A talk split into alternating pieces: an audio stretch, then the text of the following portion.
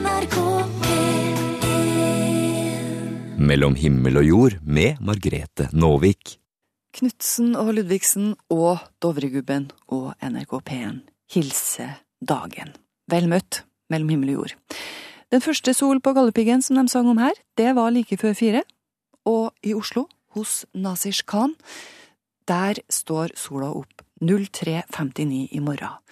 Hvordan står det da til hjem hos hun på slutten av morgendagen, når fire av familiens seks medlemmer har gått hele dagen uten mat? Helt siden klokka ett minutt på fire, altså. Hvordan er stemninga i huset da? Ja, det får du vite hvis du fortsetter å høre på PM.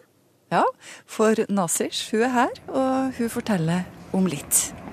Hei! Hei, Camille heter jeg. Stian. Hyggelig. Kjekt å se deg igjen. For noen uker siden så var kollega Camilla Kjønn Tingvold publikum på et standup-show. I tur og orden kom komikerne på scenen, og en av dem, Stian Foss fra Heimdal i Trondheim. Det vi hørte her, det var at de to møttes igjen. For Camilla hun ble litt nysgjerrig på Stian. Han skilte seg nemlig litt ut blant komikerne den kvelden. Stian er 29 år og har vært avhengig av rullestol hele livet. Og på showet så tulla han og tøysa og fikk folk til å flire av hans handikap. Hva får han igjen for det? Og hva koster det? Nå er vi på vei inn, i, inn på Olavsbøen, der som jeg bruker å ha standup. Jeg har vel alltid vært en liten klovn. Har du? Ja, det er nok en viss fare for det. For liksom, andre komikere har liksom sånn her depresjon, sosial angst, foreldre med kols. Mens jeg liksom endte opp med å sitte. Det er et dårlig valg, altså. Det er et dårlig valg. Er det trangt å komme forbi med rullestol? Ja, det litt sånn hårfint. Men, Tilbake eh, på puben der han av og til får lov til å skine litt ekstra. Helst vil Stian suse gjennom lokalet, men de smale gangene gjør at han må ta det litt med ro. Prøv å gjøre det billigst mulig forbi her, da. Mørkt hår og briller, doggeribukser, rød T-skjorte og brun jakke. Stian han har to føtter, men han har aldri sparka fotball eller sprunget opp ei tropp. Jeg sitter i rullestol fordi at jeg ble født med noe som heter cerebral parese. Altså, kort fortalt da, så betyr det at uh, jeg hadde uh, oksygenmangel opp til hjernen når jeg ble født. Så ble jeg født for tidlig. Jeg bruker å si at det er den ene gangen jeg var tidlig ute. Så litt forut for min tid der, altså. Jeg tok bussen ned hit i dag. Og det var en sånn kjerring inni der som insisterte på å gi meg setet sitt. Noe som var jævlig kleint, for da måtte jeg i hun rullestol. Hater ikke dere òg når det skjer, liksom. Det var i 2008 Stian trilla inn på scenen for aller første gang. Etterpå så har han blitt en kjent humorist i standup-miljøet i Trondheim. Helt siden dag én så har han tulla med handikappet sitt og fått folk til å le. Det er det første folk ser, da. Og det er liksom så nært. Og det er greit det det er greit å begynne med, fordi at det har vært en såpass stor del av Stian såpass lenge. Se for deg da, hvis jeg ikke hadde nevnt det, og hvis jeg, hvis, hvis jeg hadde vært på en plass hvor folk ikke hadde visst hvem jeg hadde vært for noen ting, mm. for noen ting, hører du, hvem jeg hadde vært for noen, hvis jeg plutselig da skulle ha begynt å snakke om noe helt annet, så ser jeg for meg at det liksom har blitt sånn Når skal han si det? Når skal han ta tak i den store elefanten i rommet? Så det er mer en forventning som folk har, enn at du absolutt må snakke om det? Det er nok litt begge deler. Stian får det til å høres så enkelt ut, enkelt å skulle tøyse med noe som kan oppfattes som sårbart. Men er det virkelig det? Jeg må grave litt videre. Stian han tar meg med tilbake til barndommen for å forklare hvorfor han tenker som han tenker. Det, det er jo ting som har vært kjipt, selvfølgelig. Men det at det har vært kjipt, har aldri vært noe grunn til ikke å øh, slå en vits, skal du si. Jeg vet jo ikke, for jeg husker jo ikke så langt tilbake. Men jeg tror jeg oppdaga det der med humor ganske tidlig, altså. Jeg fikk faktisk et eksempel fra mor mi her om dagen.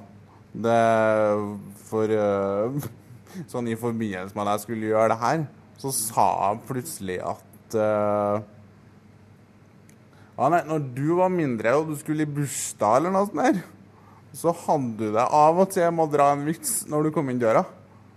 Ofte så bruker man jo humor som en forsvarsmekanisme, og det har vel jeg gjort, både bevisst og ubevisst en del ganger, men det er også et verktøy, da.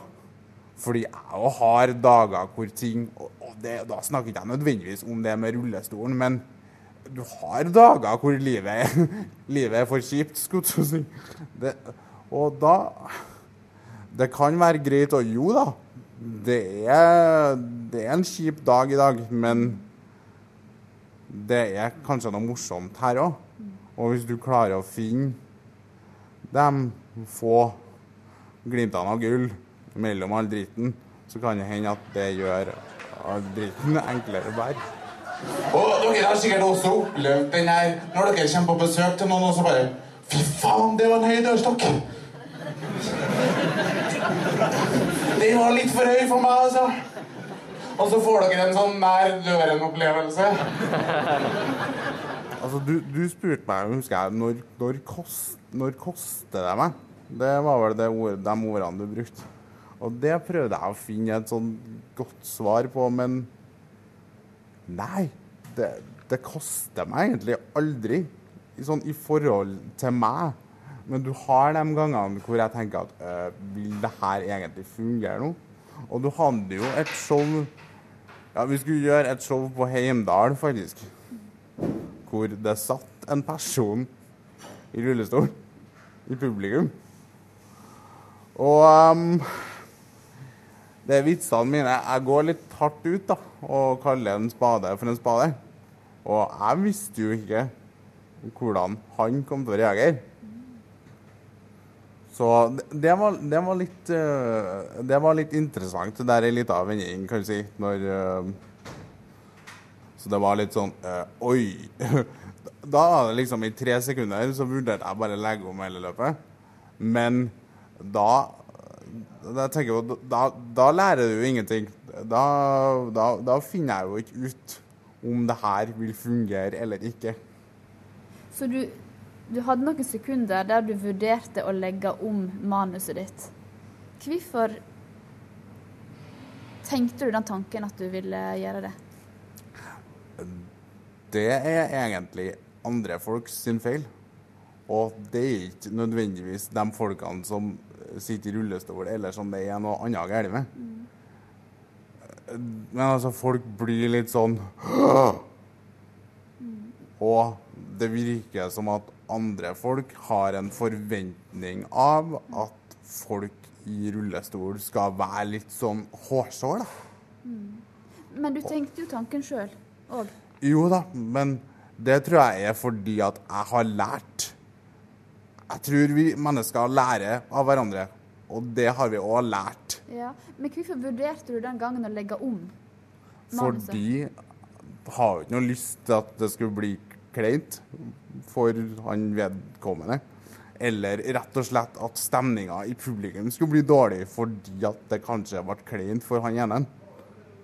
Men heldigvis da, så kjente han seg jo igjen. Det var jo en fornuftig mann. Så det var jo ingen grunn til bekymring. Uh, det var jo han som flira høyest av alle. Men har du forståelse for at det andre som sitter i rullestol, kan reagere negativt? Det har jeg. Ja. Men jeg syns også at det er viktig at folk har forståelse for at ikke alle reagerer negativt. Stian Foss delte sine tanker om å tulle med eget handikap. Han mener også at det må være lov å flire av sin egen sårbarhet. Samtidig så har han da full forståelse for at andre kan føle det annerledes. Camilla Kjønn Tingvoll hun møtte den 29 år gamle komikeren fra Heimdal. Hei, Nasirs. Hei sann. Nasish Khan, du har jo egentlig invitert deg hjem til NRK Radio i dag fordi du har noe på hjertet. Hvis du skulle få 20 sekunder nå til å gi en kortfatta versjon av ditt budskap, hva er det? رمضان کے مقدس مہینے میں بہت ضروری ہے کہ ہم جو روزہ رکھیں گے کہ اپنے کھانے پینے کا خیال رکھیں اور جو अच्छी गज़ा है हमारे लिए हम वो खाएँ ख़ास करके नॉर्वे के जो मुसलमान हैं जो अब यहाँ पे तकरीबन 20-21 घंटे का रोज़ा रखेंगे कि वो ख़ास ख्याल रखें कि जब अफ्तार करें तो हेल्थी गज़ा खाएँ ताकि उनके जिस्म में से एनर्जी इतनी जल्दी ख़त्म ना हो Jeg hørte noen ord som jeg forsto inni der, men eh, for eksempel energi. Ja, Ja. ja Men du må nok oversette, altså. Ah, ja, som sagt. Norsken er nesten bedre enn urdu, så Akkurat. Så um, ja, jeg sa det at uh, i den hellige måneden av ramadan, når vi muslimer faster, så er det svært viktig at vi passer på å spise uh, sunt i de timene vi spiser. Eh, særlig muslimer som er bosatt i Norge og har ekstra lange fastetider. Eh, og faktisk så er det mm, også i Norge de lengste eh, fastene du noensinne kan ha, det har du i år. Og da er det svært viktig at man spiser eh, eh, sunt og passer på å ha kosthold som både gir energi og nok næring. Ja. Og det starter i morgen, da, ramadan. Ja. Det stemmer. Og det er jo derfor du er her. Eh, Ja. Kan du fortelle, altså Soloppgang er 3.59 og solnedgang 22.33 i morgen. Mhm. Hvordan, det blir ikke så mange timer med mat, men hvordan starter dere dagen? Eh, Da eh, Første ramadansdagen blir det alltid litt sånn eh, stas, for det er jo en veldig, veldig tidlig frokost. Og da pleier hjemme hos meg så pleier vi å ha en liten festmåltid. Barna er våkne. De våkner fordi det er første dagen. De yngste. Ja, er det litt spennende for dem òg, eller? Ja, det skaper en, en viss stemning i huset, så da De hører jo, og de våkner. Det betyr at dere står opp før 3.59. Ja, det må vi. Vi står opp eh, hvis soloppgang er 03.59. Da må vi ha spist ferdig til da. Så da er jeg våken, hvis det er jeg som skal lage maten, så er jeg våken rundt halv tre, kvart på tre. Og så har jeg to døtre som er på 20 og 16, som eh, ønsker svært gjerne å faste. Eh, De har, vi har snakket med de om det at det er såpass lange faster at selv om det er obligatorisk, at de kan tenke over om de ønsker eller ikke ønsker. Og de sier at nei, det vil vi. Så da, fra halv tre til tre, så er jeg opptatt på kjøkkenet, sikkert. Og da også begynner jeg å vekke jentene rundt fem over tre. Dere har fire barn. Ja, vi har fire. Hva er det som står på bordet da? Uh, jeg pleier å variere litt forskjellig. No, noe som heter en pakistansk frokost. Da, det kan gå i litt, uh, litt sånn heavy måltid i forhold til en gryterett av kjøtt, kylling, eh, grønnsaker. Og så har vi noe som heter paratha. Det er um, en versjon av det du kan sammenligne med nanbrød, da. Det steker man i olje og smør og og så har jeg egg eller omelett ved siden av. Det er den heavy-versjonen som jeg kommer til å prøve å unngå. De kan få det første dagen eller andre dagen, men etter det så kommer vi til å sikkert gå over til noe mer sunnere. Så det er litt så spesielt den her første dagen. Ja, vi gjør i hvert fall en stor sak ut av det, eller det er stas, da. Men når frokosten er ferdig, da, hva gjør dere da? Går dere og legger dere og sover igjen, eller? Nei, da har vi eh, når, frok- når frokosten er ferdig, så har vi det vi kaller for morgenbønn. Eh, Den heter fajr. På en setning, bare. Og det, det markerer at nå begynner vi fasten. Altså obligatorisk, det du skal lese, tar kanskje ikke mer enn fem, seks, syv minutter. Og etter det, som regel, så går man og legger seg. Akkurat, så du er ikke våken da resten av dagen? Nei, men de som skal på jobb, eh, står jo opp sju igjen. Og skole. Og skole, selvfølgelig. Ja. Så når alle sammen kommer hjem, da, Mm. Seks sultne personer som, kommer, som er samla i huset på slutten av dagen, hvordan er det i huset da? Eh, Nå må jeg bare presisere at de yngste to kommer ikke til å faste. Nei. De er bare syv og ti, så de har veldig lyst til å prøve.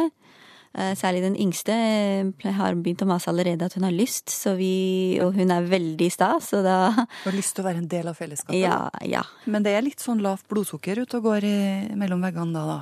Eh, ja, det er ikke bare bare å, å, å faste så lenge, så um, jeg prøver å Jeg er jo mentalt forberedt på det, da, at det her kommer til å skje, så jeg prøver å være tålmodig.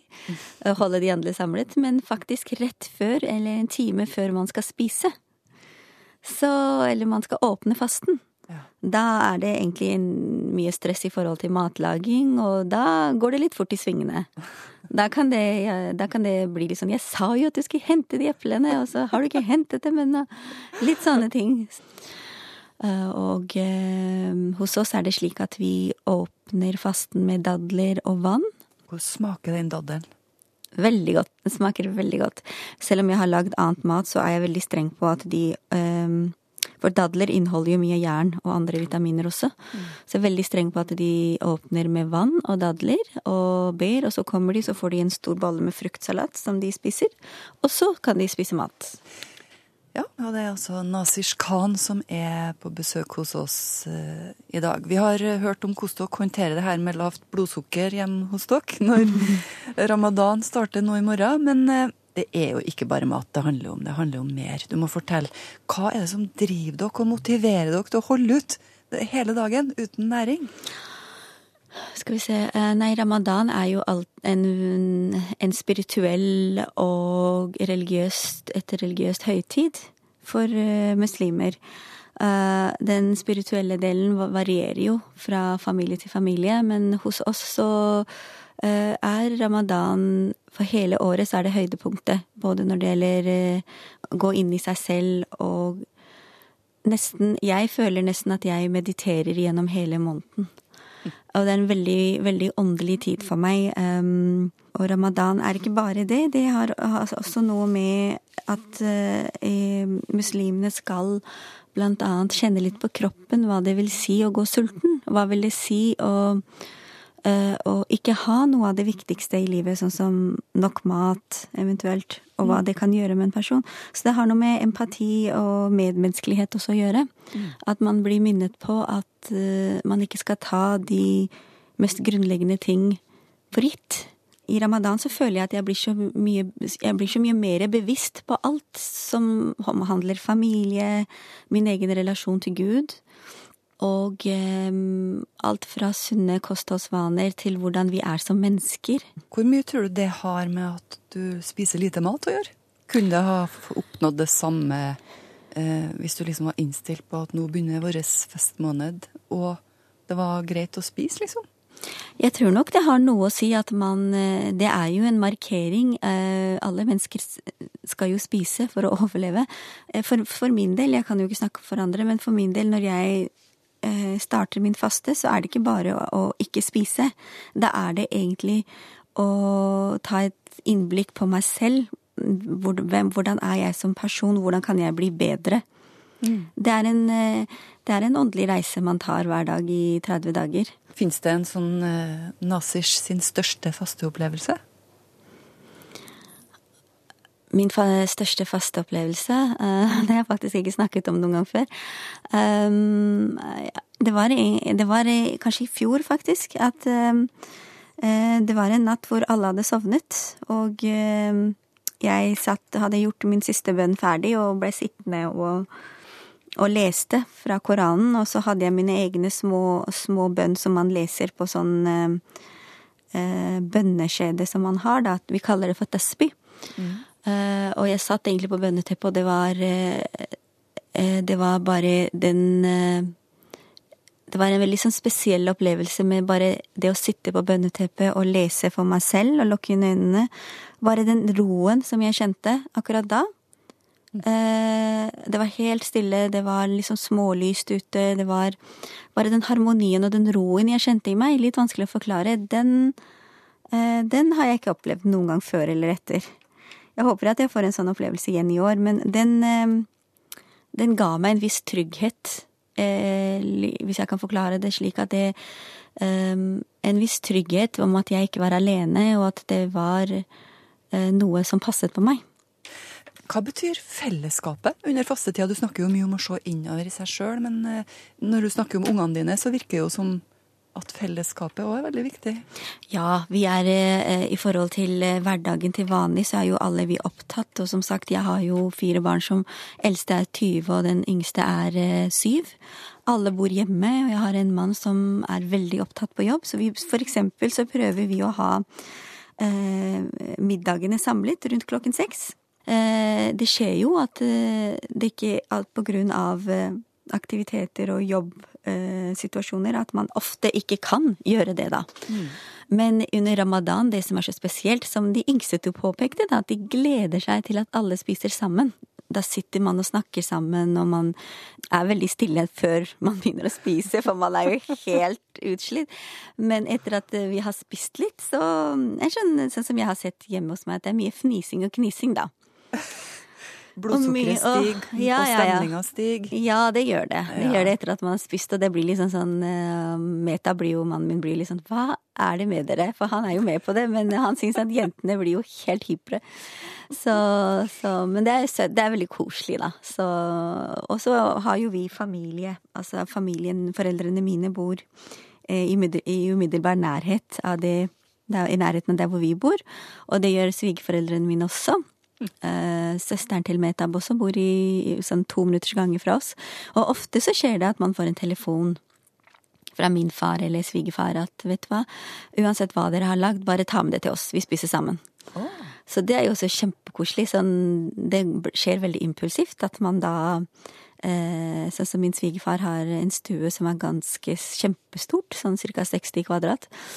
Og eh, da har vi en sånn plastikkteppe. Vi legger det på, på, på, på gulvet nede, og så bare setter alle fram sine kjeler og sine boller og det de har med, da. På den plastikkduken, og rett før fasten åpner, og så er vi plutselig 40 stykker. Så det, det blir stemning. Da blir det stemning. Altså, Ja. ikke, kanskje ikke helt i starten. Nei, faktisk, da er det fra når alle er samler sånn som her, og min svigerfar er jo eldst, så han sitter jo på, det, på den ene kanten, da. Og eh, driver og dirigerer. Ja, legg det der, gjør sånn, gjør sånn. Og, så er det veldig stress rett to minutter før fasten åpner.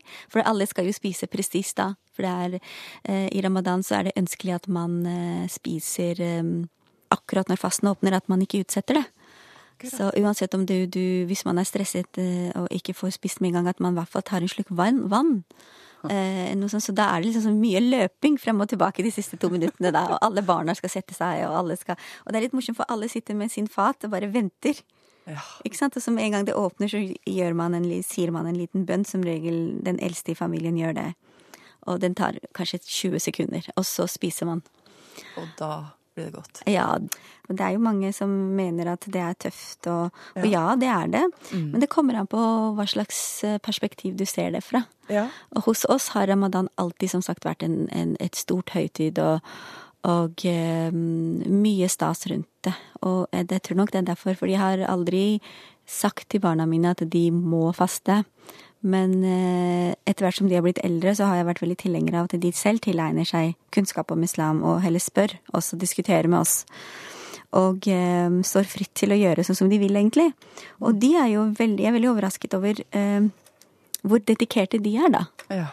Eh, og, Men det har kanskje noe med gode, den gode stemninga dere har klart å skape i huset, at de har lyst til å være en del av det fellesskapet, da? Ja, det, det har jeg tenkt på at det kan ha mye å si. Mm. At man eh, ser på det som noe positivt, og, og, og, og noe med det sosiale rundt bordet når man åpner fasten, og den gode maten, og det at jeg Jeg tror de nesten liker også den, den, den delen hvor jeg tvinger i dem næringsdrinker også. Jeg sitter der bokstavelig talt og sier altså så, så hun Fatima, hun er jo 20, som bare Jeg er jo voksen mamma, jeg klarer å passe på meg selv. Så jeg bare ja, så lenge du bor hos meg, så skal du drikke den næringsdrinken. Så når du bor for deg selv, så skal du få lov til å slippe hvis du vil det. Så, og da Det går unna. Det gjør det. Nasish Khan, takk for din tid og dine ord. Hva sier dere? Har dere noe sånn god ramadan-uttrykk? Uh, ja, vi sier uh, På urdu så sier vi ramzan mubarak. Uh, og på norsk så blir det jo ramadan, god ramadan, eller så sier man det rett og slett ramadan mubarak. Mubarak. Mubarak betyr um, gledelig. gledelig ramadan.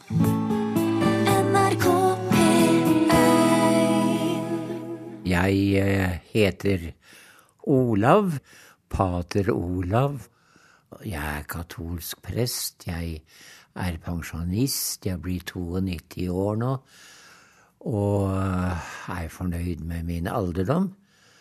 Jeg tror på vennskap.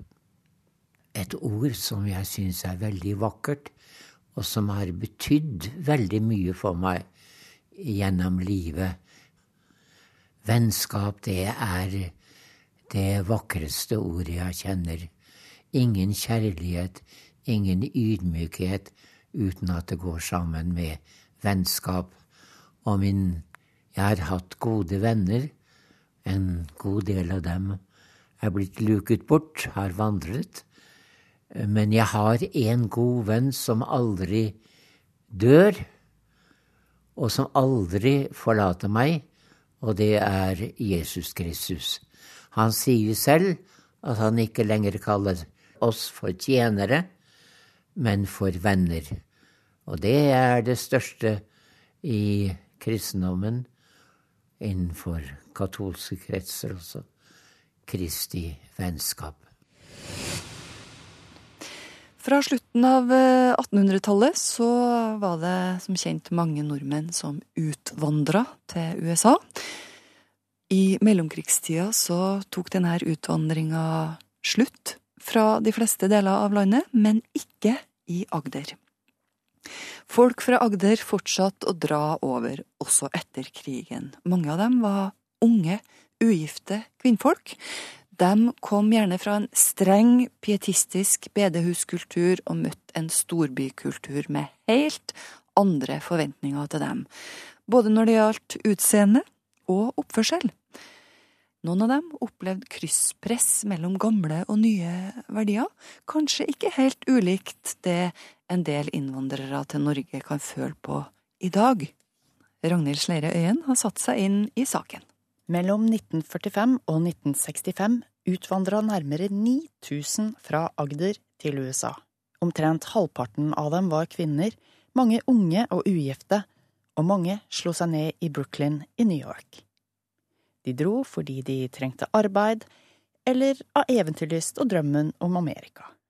De fleste hadde et nettverk der, sånn at det var ikke en veldig dramatisk eh, avskjed med hjembygda. De hadde gjerne ei tante, for eksempel, som de kanskje ikke hadde møtt før, men som eh, det hjalp de med jobb, og som de bodde hos først og sånn. Siv Ringdal er kulturhistoriker ved Universitetet i Oslo og har forska på hvordan det var å komme som ugift innvandrerkvinne fra det strengeste Sørlandet. Der var det strenge føringer for hva som var synd og ikke synd. Altså, verdslig musikk var ikke alltid akseptert. Ehm, det samme var kortspill dans og, og alkohol og sigaretter, det var ikke akseptert i det hele tatt. En annen ting var eksempel kino, og det kunne være såpass uh, sterke føringer på det at selv om til og med filmen kunne være av religiøs karakter, blant annet så var det uh, en um, film på 60-tallet som kom om Hans Nilsen Hauge, men den ble ikke vist eh, f.eks. på en del bedehus i Kvinesdal på grunn av at kinofilmen i seg sjøl ble sett på som et syndig medium. Og det var strenge normer for utseende.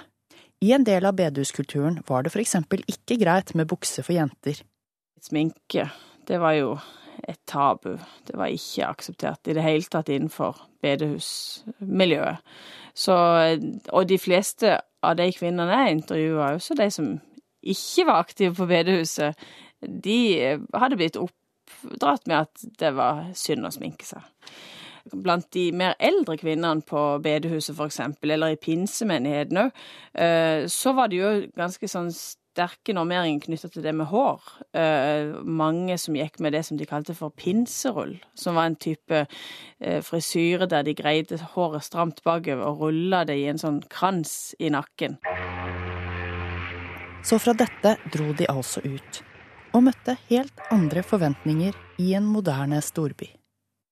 Majoritetskulturen i USA på den tida var jo på en måte kunne han i hvert fall oppfattes som mer sekulær for disse kvinnene som kom, fordi at eh, det var i hvert fall ikke den samme strenge eh, Gud som var på Sørlandet.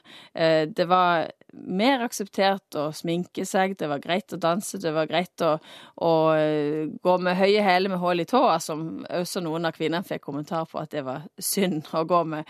Amerikanerne er jo religiøse, men den Gud de møtte i Amerika, var, han var ikke så opptatt av hvordan de kledde seg og så ut. Man kunne gå i, godt gå i kirka og samtidig bruke litt sminke og gå på dans.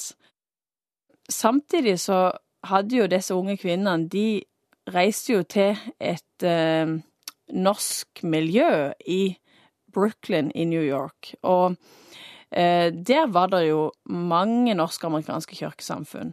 Eh, det var oppimot 30 på et tidspunkt. Og der fant du jo mange ulike eh, retninger innenfor dette miljøet, og du fant en god del kirker som var ganske konservative, og som minner mye om det de hadde vokst opp med på bedehusene på Sørlandet. Men det ble forventa at kvinnene tilpassa seg det nye landet sitt. Selvfølgelig så ble det jo forventa at man skulle lære språket, eh, men det var òg sterke forventninger knytta til at man også skulle bli, hva skal jeg si, kroppslig integrert. At man skulle ta til seg klesstilen som var vanlig eh, der borte, og at man skulle endre på hvordan man så ut. Eh, nå skal det sies at de fleste av de kvinnene som jeg intervjua, forteller jo det at dette var jo noe de hadde drømt om. De ville jo veldig gjerne gå på varemagasin og kjøpe ferdigsydde kjole i alle slags farger og ha muligheten til å kunne gjøre det. Men det lå jo et sånt eh, Det lå også som ei forventning, for det at eh, det ble sett på som at hvis man lot være å eksempel endre på klesstilen når man kom til New York, så, så ble, var man litt bakstrebersk, og man viste ikke noe vilje eller ønske om å ta del i kulturen på lik linje med andre. Og um, disse unge kvinnene som jeg um, har forska på, de mange av de, de uh, hadde sin første arbeidserfaring i huspost, så det vil si at de uh, var tjenestejente hjemme hos øvre middelklassefamilie i New York. Og flere av de forteller blant annet hvordan arbeidsgiver kunne være en viktig person i forhold til hvordan de lærte om alle disse ulike små og store tingene knytta til hvordan de skulle hva skal jeg si, få en, både en mer amerikansk utseende og framferd. Eh, for eksempel så er det kvinner som forteller at eh, arbeidsgiver eh, lærte de å barbere seg under armene, hvordan de skulle bruke sminke, de hadde de kanskje mapp på forretning og hjalp de å finne fram klær. Noen, kjøp, altså noen kjøpte klær til de, og, og arbeidsplassen ble en veldig viktig arena for en god del av disse kvinnene i forhold til hvordan de skulle ta del i den amerikanske kulturen. Siv Ringdal mener at forskninga hennes blir en slags eh, kommentar på hvordan det kan oppleves å være innvandrer med konservativ religiøs bakgrunn i Norge i dag disse unge kvinnene som jeg forsker på, de sto jo i et krysspress mellom eh, norm og verdier som de hadde vokst opp med hjemme i Agder, og alt dette nye som, som de møtte i New York, samtidig som de òg hadde da eh, forventning og press fra dette norske miljøet. Så det er mange ulike forventninger som de skulle, de skulle finne ut av, og de skulle ta stilling til. Eh, kroppen blir som en sånn forhandlingsarena, der de forhandler og, og, og tar standpunkt til hvordan de skal stille seg imellom alle disse normene og reglene. Og det tenker jeg har mange paralleller til, eller jeg vil i hvert fall gå ut ifra at det er mange paralleller til hvordan eh, innvandrere i dag, og kanskje spesielt unge innvandrerkvinner, kan oppleve å stå i et sånt krysspress mellom forventninger og normeringer de har vokst opp med, og, som, og, og andre eh, forventninger og normeringer som de møter i Norge når de kommer hit i dag. Og det er mye arbeid å lære å ta til seg alle disse ulike tingene. Det sier kulturhistoriker Siv Ringdal. Hun snakka med vår reporter Ragnhild Sleire Øyen. Du hører Mellom himmel og jord med Margrete Nåvik. Når eh, mamma kommer hjem med venner, så drikker de litt. Men ikke så veldig mye. Mamma og pappa pleier å drikke sånn ett eller to glass i helgene og sånn. Eh, jeg er vant med at de drikker av og til i helgene, men ikke så veldig mye. Det er nesten greit så lenge det ikke blir tullete. Fordi jeg syns ikke det er galt med ett eller to glass, men hvis man drikker altfor mye, kan det bli litt dumt.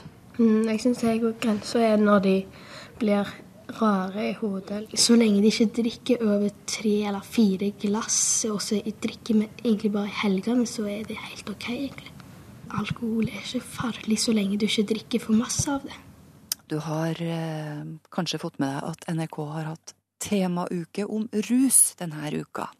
Barn som opplever at foreldre drikker for mye, finnes i alle samfunnslag. Et anslag viser at eh, minst 90 000 barn har en forelder som har misbrukt alkohol det siste året. Og 90 000, det vil si nesten hvert tiende barn. I en undersøkelse fra Alkovettorganisasjonen Av og til så sier tre av ti foreldre at de har vært berusa foran barn. De siste tiåra så har den kontinentale drikkekulturen blitt lagt oppå den norske festdrikkinga, og vi forventer gjerne at folk skal drikke alkohol, men etter et mønster som er innafor, sånn som folk flest ser det da. Altså, i, I Norge så er det veldig strengt på og av. Det er noen eh, anledninger, noen situasjoner, noen kontekster hvor alkohol er fullstendig tabu, helt forbudt, og det er andre hvor det er helt påbudt.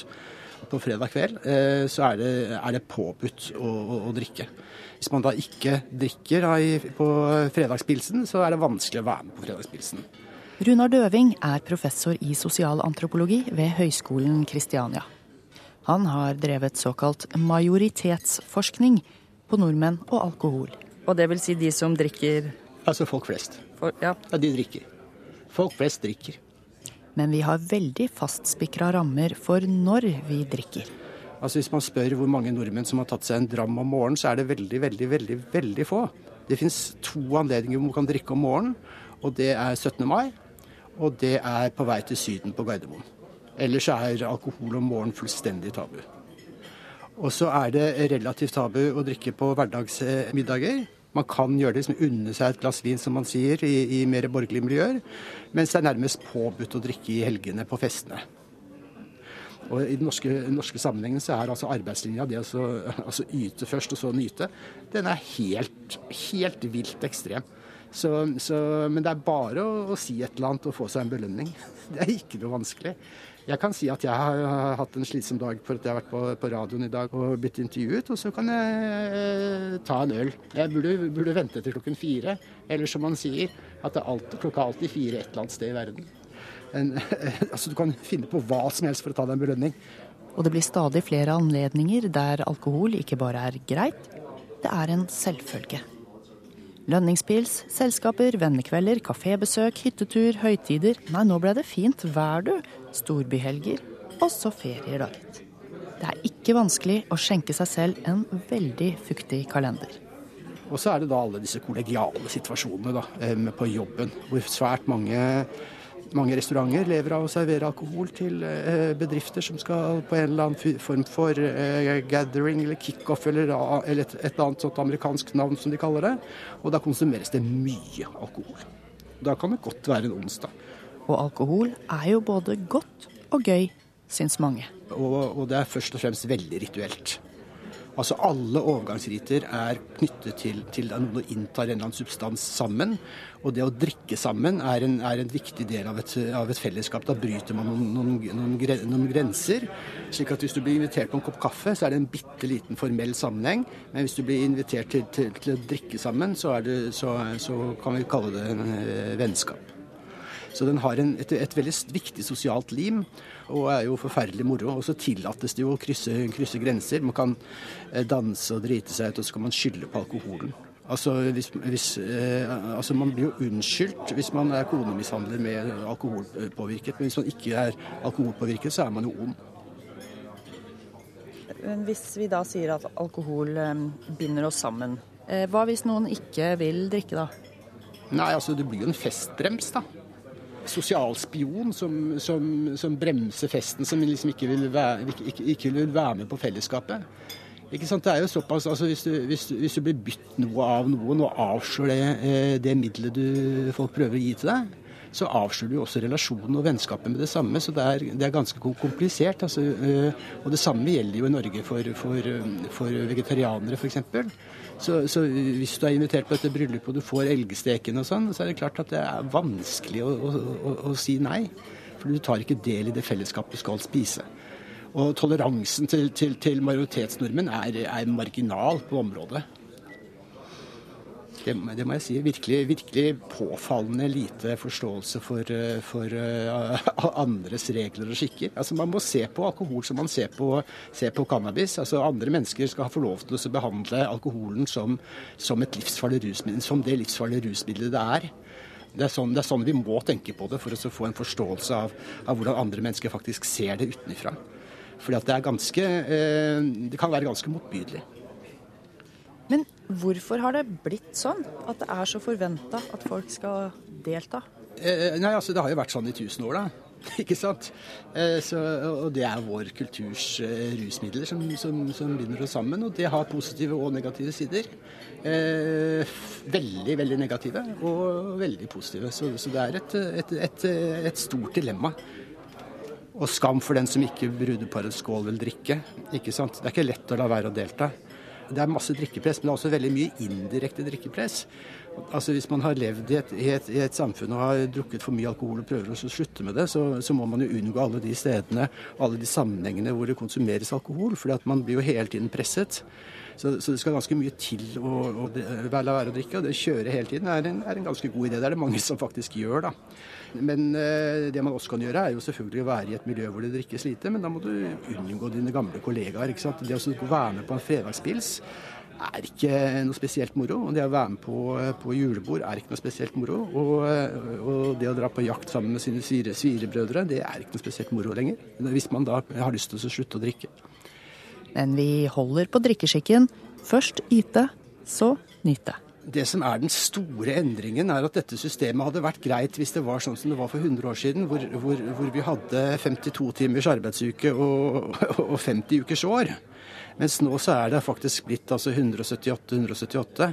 Og det er to viktige tall. Det er 178 arbeidsdager og 178 fritidsdager. Og når du da kan drikke på halvparten av årets dager, så, så har vi et sterkt problem. Og det er ikke noe vanskelig å finne seg en anledning for å, å, å, å drikke.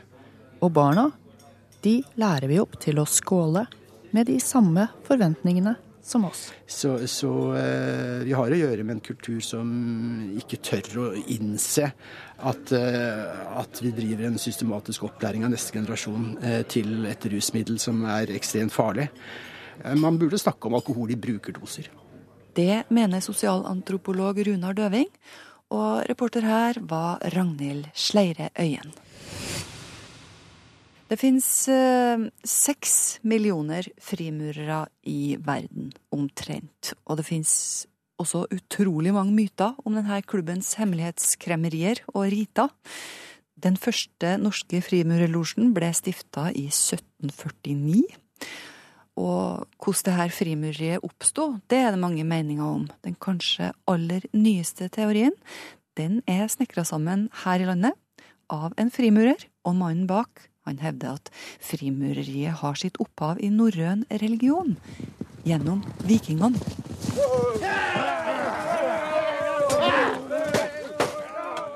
Teoriene om hvordan frimureriet oppsto, er mange. Den mest kjente er nok den som trekker en linje fra korsfarertidens tempelriddere til dagens frimurere. Men ifølge Store norske leksikon hadde frimurerorden sitt utspring i middelalderens murerlaug, et operativt frimureri som omfattet frie, selvstendige murere som tok vare på hverandre med innvielsesriter og sterkt samhold. Bak en ny teori som avviser både tempelriddere og murerlaug, står Arvid Ystad, som selv har vært frimurer i 30 år. Jeg mener jo at uh, frimurernes opprinnelse kan være en helt annen. Og uh, uh, da mener jeg faktisk at de stammer antagelig fra vikingenes gamle religion, som vikingene og landåsmennene tok med seg da de reiste over til England og Skottland. Vi kan også ta med Island i vikingtiden. Denne religionen den ble noe omdannet i England og Skottland, og eh, her ble gudenavnene tatt ut.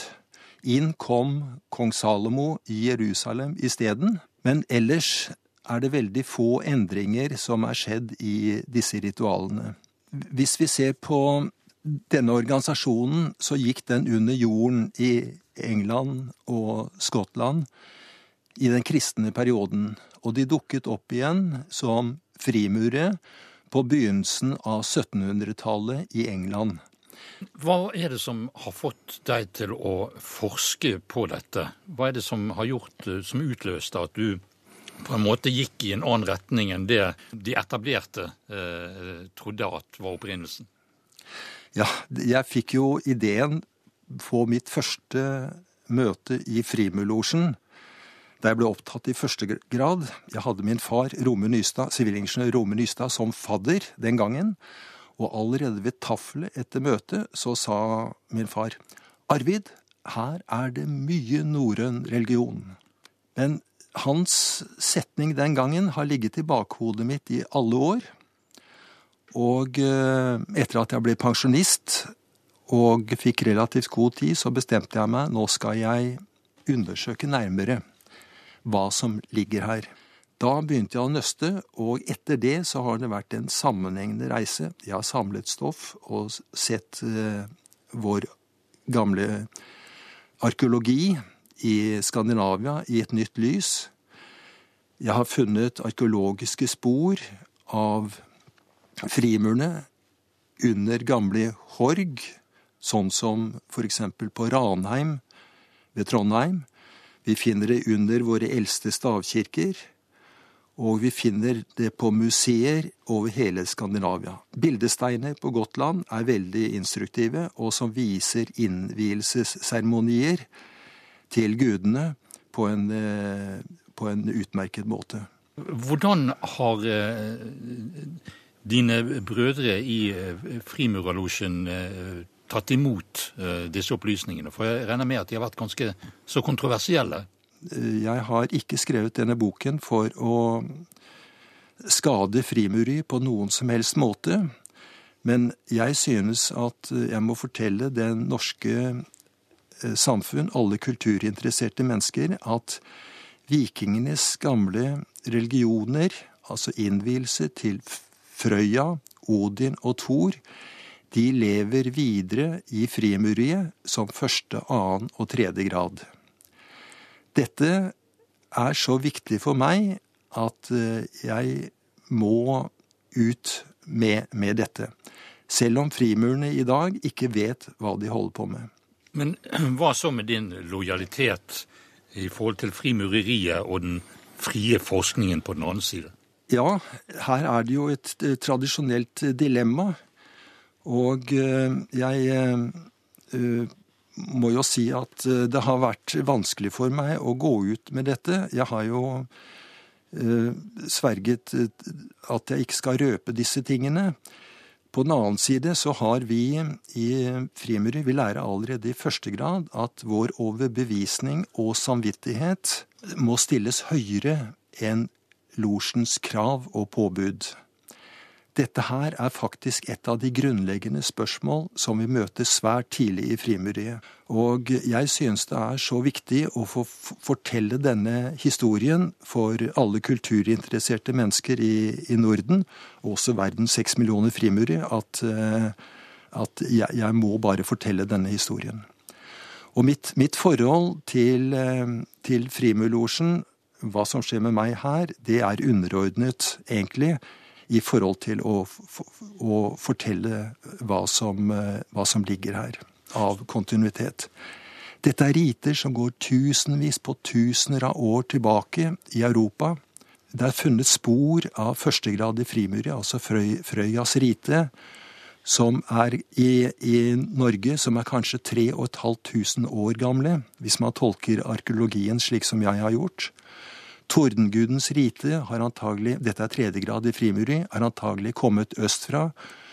Og vi ser spor her i Skandinavia allerede to, 2300 år før vår tidsregning. Eh, dette her er urgamle riter, og at frimurene er kulturbærere, det synes jeg er så viktig at jeg må bare ut med disse tingene.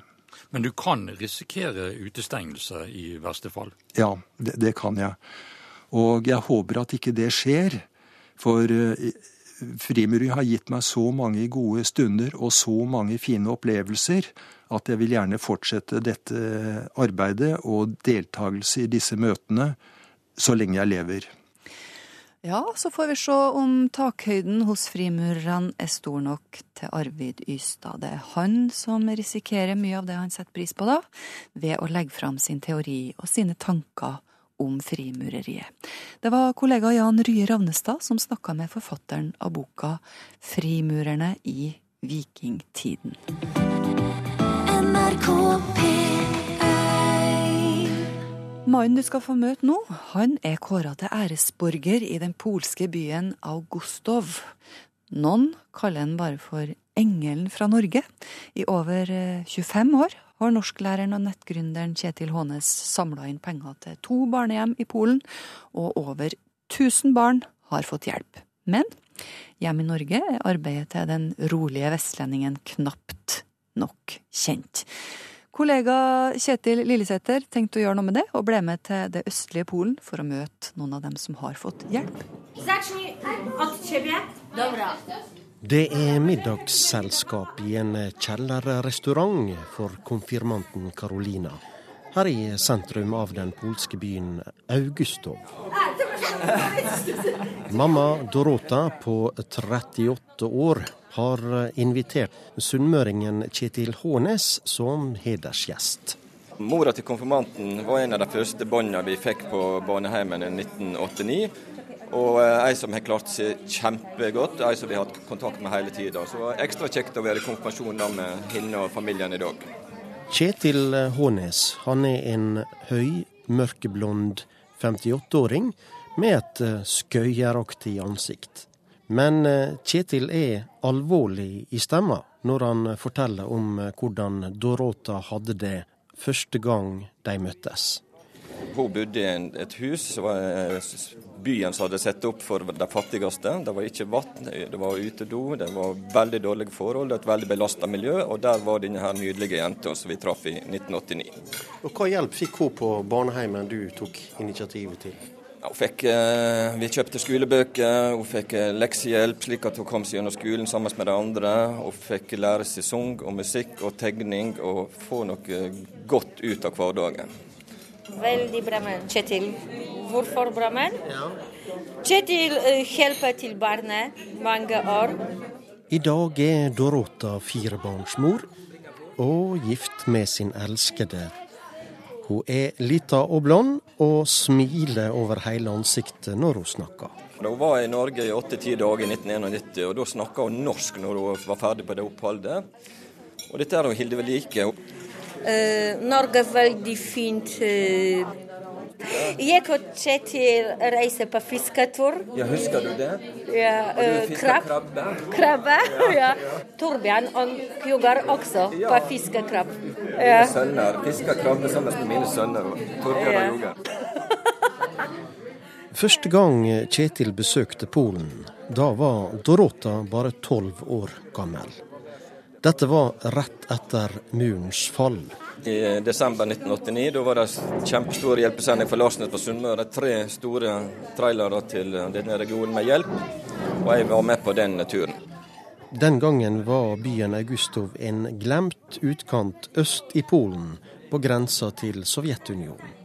Arbeidsledigheten og alkoholmisbruket var enda høyere enn ellers i landet. Fattigdommen grell og incest mot barn et tabu. Traff bl.a. to jenter, ei på seks og ei på åtte år. Og Den på seks var livredd meg, for jeg var en fremmed mann. Og hun på åtte, som var søstera, prøvde å beskytte hun på seks mot meg. Jeg forsto at disse her var det kritisk for, og jeg bestemte meg at jeg kan ikke reise herifra før disse og andre i tilsvarende situasjon fikk hjelp. Så hva gjorde du når du kom hjem? Jeg foreslo for de som hadde organisert hjelpesendinga, at vi også starta en, en barnehjemsorganisasjon og bygde opp en barnehjem for å hjelpe vanskeligstilte barn.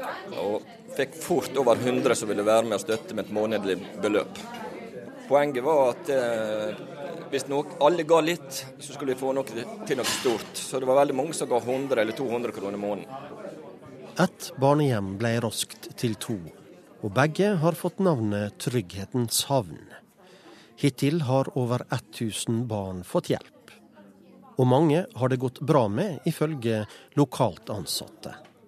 Fra å være et døgntilbud er barnehjemmene nå åpne fra seks om morgenen til midnatt. Ettersom det går bra med Polen økonomisk, er det myndighetene som nå tar seg av de tyngste barnevernssakene. Vi har helt sikkert ikke starta opp nå i Polen, eh, men dette er et prosjekt som fungerer så godt, så mange barn får hjelp, at det er ingen grunn til å slutte det. Og det er fortsatt kø etter barn som vil inn på barnehjemmet vår. Jeg er vel egentlig allergisk mot uh, overgrep mot barn. Uh, lir når barn har det vondt. Og hvis jeg kan bidra til å gjøre det bedre for barn, så, så vil jeg gjerne det. Det sier Kjetil Hånes, menneskerettighetsarbeider, lærer og nettgründer. I over 25 år har han altså samla inn penger til to barnehjem øst i Polen. Flere historier om hverdagsgodhet finner du på Facebook-sida vår, NRK livet. Vi er glad for å høre fra deg, enten det er behageligheter eller ubehageligheter du har på hjertet. Viktig begge deler, helt sant. Send oss en e-post på himmel og jord, krøllalfa, nrk.no. Husk nå at du kan høre på det her og tidligere programmer på radio, nrk.no, eller hvis du bare er ute etter ordene og ikke musikken, så finner du en podkastversjon på nrk.no podkast. Margrethe Nåvik heter jeg. Takk for oppmerksomheten. Her er Nat King Cole, Let There Be Love. Og det blir siste ord herfra. Mellom himmel og jord. Søndager fra 9 til elleve. Hør flere podkaster på nrk.no podkast.